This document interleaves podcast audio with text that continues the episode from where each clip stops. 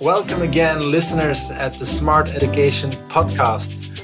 Not so long ago, we did a podcast with uh, Dr. Merv Travers, and today we're doing another one with a really, really special guest. Uh, today we have with us Dr. Richard Willy. He's an assistant professor in the School of Physical Therapy, University of Montana in the States. He received his PhD in biomechanics and movement sciences from the University of Delaware and his Masters of Physical Therapy from Ohio University. In addition to this, his, uh, in addition to his research, Dr. Willy has been a clinician for 18 years, specializing in the treatment of the injured runner. And his research aims to develop clinically effective treatments for, for example, patellofemoral pain syndrome, uh, Achilles tendinopathy, and tibial stress fractures. Besides publishing in peer reviewed journals, Rich is a national and international presenter of his research and clinical expertise on how to evaluate and treat the injured runner. And that's exactly why we've invited Rich to come to Belgium and teach for smart education. He's giving his lecture today and tomorrow on restoring load capacity in the injured runner as a, a running smart masterclass for physios who have a special interest in running. That being said, welcome, Rich. How are you? I'm doing well. Thank you very much. It's a it's a very nice introduction. Uh, thank you very much. And, I hope and, everything was right what I was saying. Oh yes, it's perfect. Okay. Perfect. Yes. How's your voice? Because it's good. It's good. Yeah, yeah, I've got a little bit of a head cold, but it's good. Yeah. Now you can't believe, Rich, how glad I was this morning waking up, finally meeting this expert, and now you're sitting right in front of me. Oh, thanks. It's, I mean, it's it's a real honor to be here. This is my first time to Belgium, and um, it's been a great first day, and um, it's just been really, really great to work with both of you uh, heading up to this course, and uh, you know, all the clinicians who were who have who attended today were have been fantastic. So it's okay. been it's been great to meet everybody. Okay, looking forward to tomorrow uh, already. Now, for our listeners and our followers, uh, it's a great opportunity, I think, to meet the expert, not in, in person, uh, this expert on running. And I'm going to try to pick your brain uh, a little bit uh, now uh, in the next couple of minutes, Rich. Uh, it's going to be uh, all about running, running analysis, running injury, and running shoes. Sounds great, yeah. Stan. How sounds that? Good. Sounds perfect. Yeah. Let's do it. Okay, first of all, um, during the course, I loved how you gave these different take home messages throughout the course. Quite a few good ones. No, actually, all of them were good ones. And given my bias as a smart education founder, I'll pick this one out immediately. Patient, or in this case, runner's education is a must. Tell me more.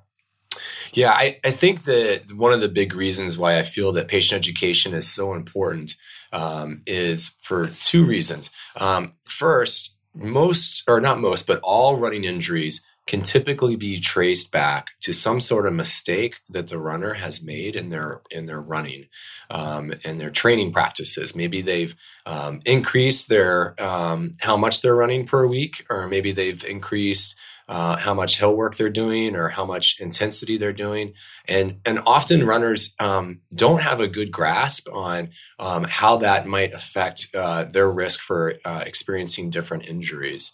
And um, so, you know, another reason why um, patient education, I think, is is so so critical in this group is because um, runners often um, have beliefs that um, are kind of reinforced in the popular running media. Um, that uh, things such as stretching or perhaps maybe uh, improper shoe prescription uh, might be the main reason why they're experiencing their running injury.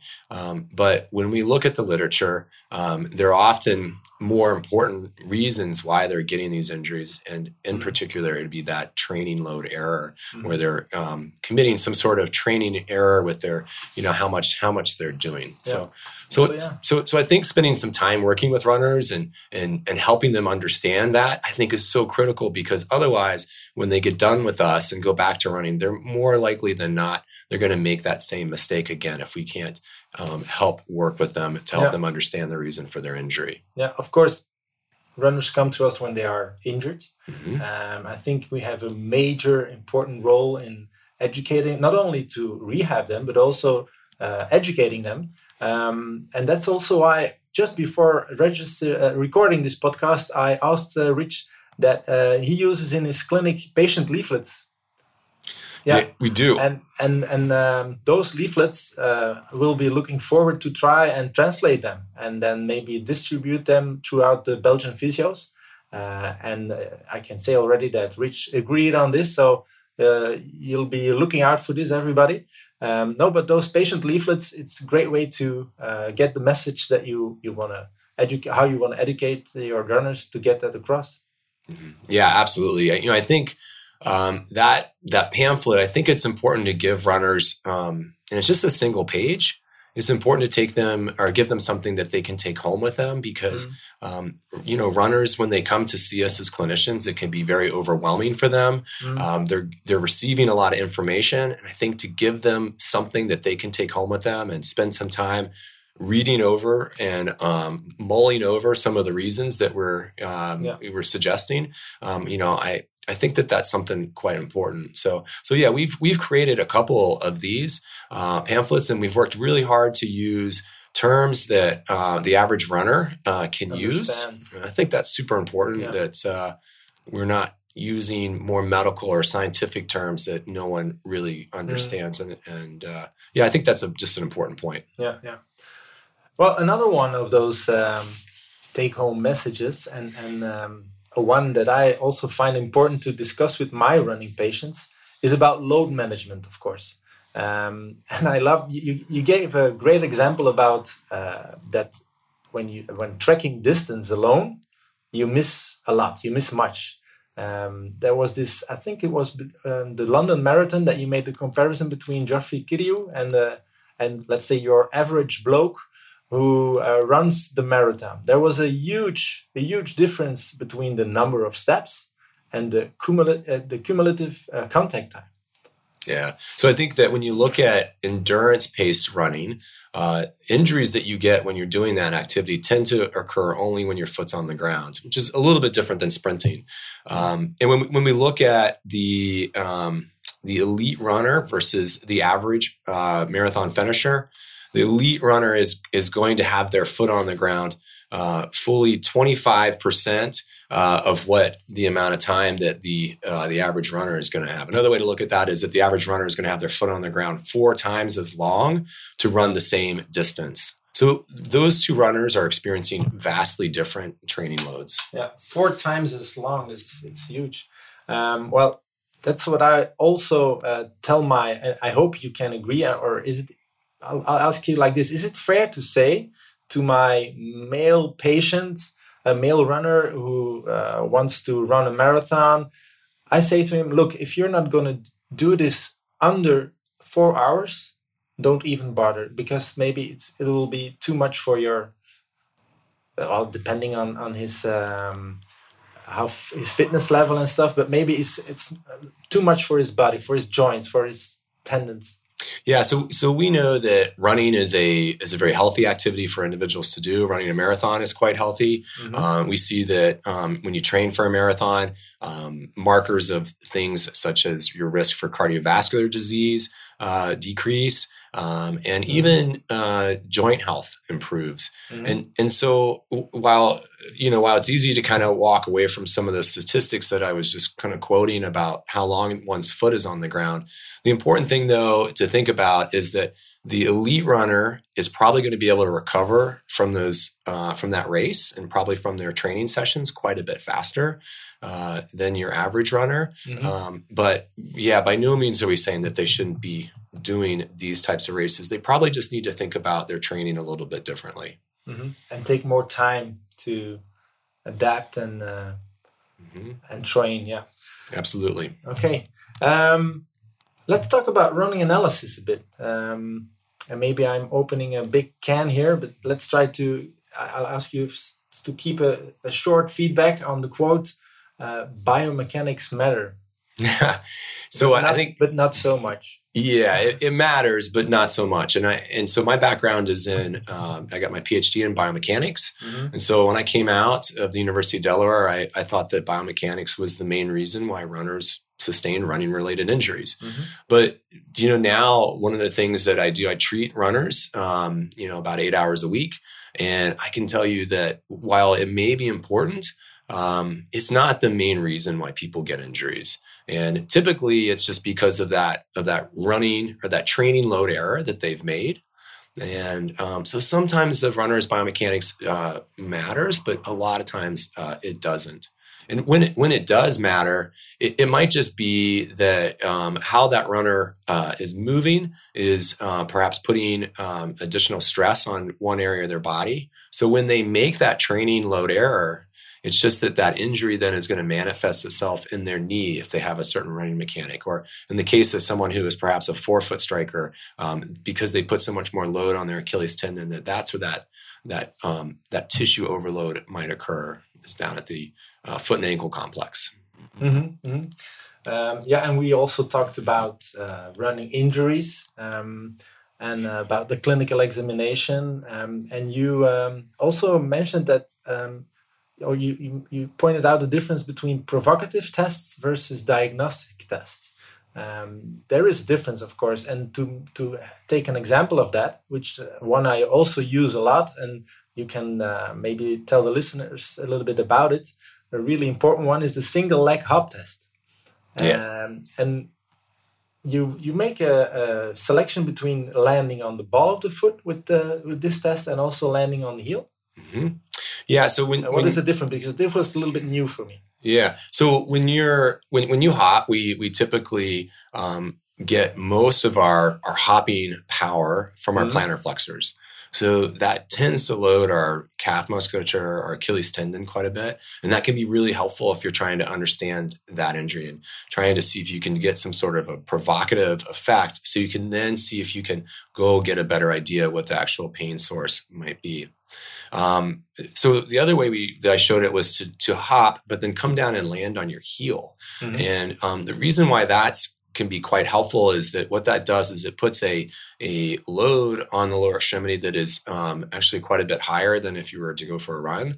Uh, and it focuses that load through the bony structures. In this case, your calcaneus, and that load then kind of transmits up through your, your lower leg, your, your tibia, and perhaps your fibula, depending on, on how you're landing. So it, that landing on your heel very hard um, can perhaps elicit a bone uh, type pain if that person uh, perhaps has a has a bone stress injury. Mm-hmm. Yeah, you were actually you are looking at quality of motion, mm. but also trying to reproduce symptoms. Yeah, that's right. Yeah, so a lot of times when we see a runner who has a plantar flexor type injury, they're they're going to hop, but they might substitute more of their knee extensors in, and you'll see them flexing their knee a lot more, and they might be able to hop pain free until you perhaps cue them into just hopping, just using their ankle, and then that's going to reproduce their Achilles tendon pain or their posterior tib pain. So how someone hops, I think, is super important, and it and it shifts that load around um, and that can be really helpful in, in helping us kind of determine where their injury might be. And again, it's a provocative test. It's, it's certainly not going to diagnose someone with a stress fracture. That's when we need to send them off for a gold standard tests, such as an MRI. Um, but uh, it's a it's a great place to start with our runners, uh, particularly runners who are um, perhaps not able to to go for a run that day because they're in a lot of discomfort um, or just haven't been running for a while. Mm-hmm tomorrow we'll talk uh, some more on running injuries um, and i'll give it uh, very good advice to the listeners here. Please go and uh, listen to the BJSM podcast that rich did a few months ago.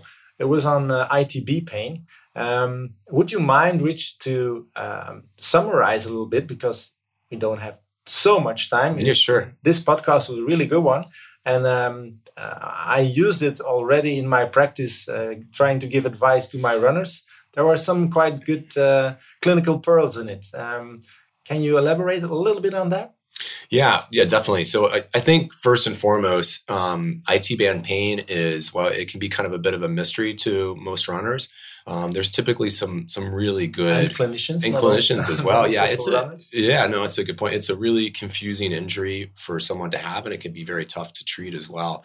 Um, but when you back up and you take a look at the biomechanics that loads that structure, um, and then we also know too that certain running task load that structure even more. So things like running downhill uh, puts a lot of load on it. If you run on a single track trail, so not like a walking path, but a very narrow trail, that's also going to increase load on that structure. And so understanding those things can really help us understand why someone had that injury.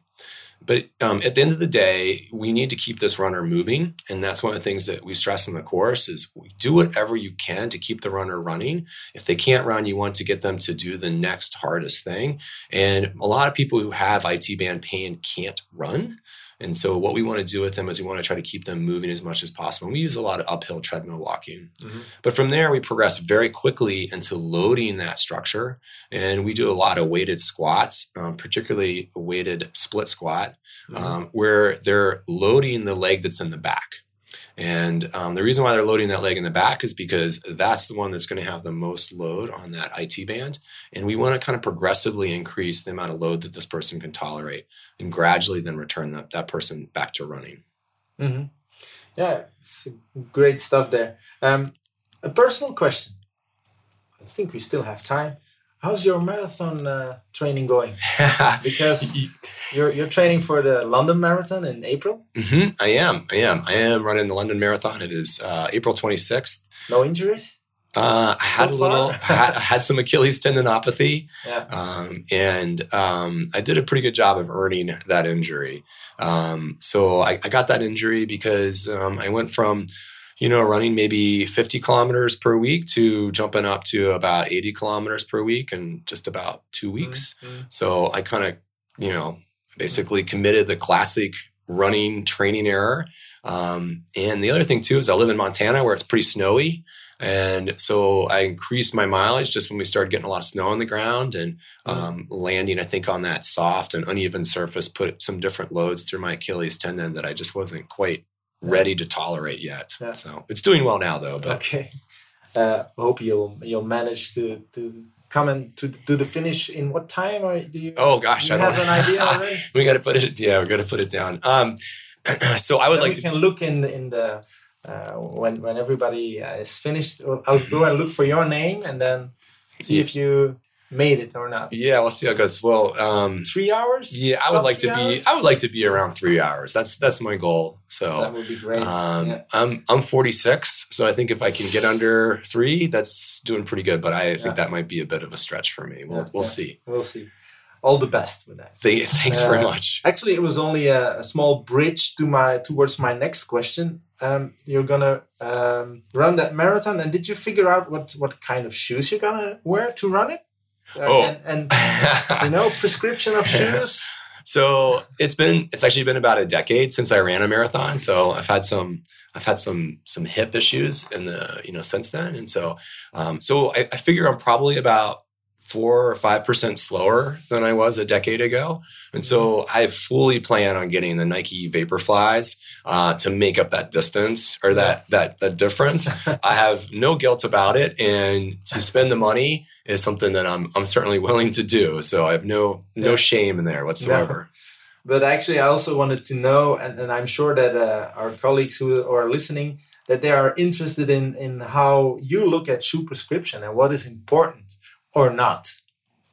Yeah, I, I, think shoes, when it comes to preventing injuries, are are really kind of overthought. Mm-hmm. Um, I think that when you, that when was you, just the answer I needed. Yeah, yeah. I think it's. I mean, I think when you look at injuries or running the risk of getting an injury, it hasn't changed in 30 years, and we've seen lots of different types of shoes come and go. We've seen like standard type shoes where we're matching the shoe for the type of foot a person has.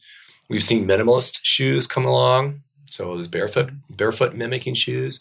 Uh, now we're starting to see zero drop shoes, um, and then we're also starting to see these maximalist shoes. So shoes such as Hoka's, and it doesn't seem to matter what type of shoes someone runs in.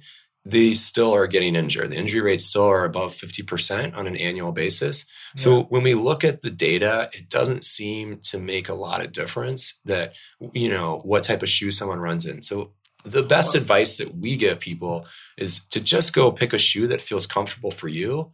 And, and that shoe might be a Hoka, or you might be more comfortable running in a minimalist shoe. Mm-hmm. And, um, and it really, the comfort part, I think, seems to make the biggest uh, are the most sense Criteria. to me. Yeah, I think that's the main criteria, and also making sure that that making sure that that shoe fits. Mhm. Um, that's a thing that we see a lot with our uh, forefoot injuries. That runners are choosing a shoe that is perhaps the toe box is too narrow or the shoe is too short. But I, I also uh, remember now that there was a tendency um, when it comes to differences in injury patterns uh, or different shoes, maximalist versus minimalist shoes. And and which injuries do you see more with? Well, more. There is a tendency with which injuries you see more with maximalists, maximalists versus minimalist shoes. Yeah, so so I think that brings up a great point, and that's that when you change a shoe or even you change your your running mechanics, you Mhm. don't actually change the load on the person. All you're Mhm. doing is shifting that load around a little bit differently. And so Mhm. essentially, if you choose a, a minimalist shoe versus a maximalist shoe, you're probably just choosing a different injury to get. So a maximalist shoe, you might get be a little bit greater risk for getting a knee injury. If you're running a minimalist shoe, of course, that's going to put a lot more load on your plantar flexors. So you might be more likely to get an Achilles tendon injury or a metatarsal stress fracture. But the overall injury rate between shoe types doesn't really seem to matter a whole lot when you look at the studies that are, are conducted well. Um, and I think that's a really an important thing, you know, to think about.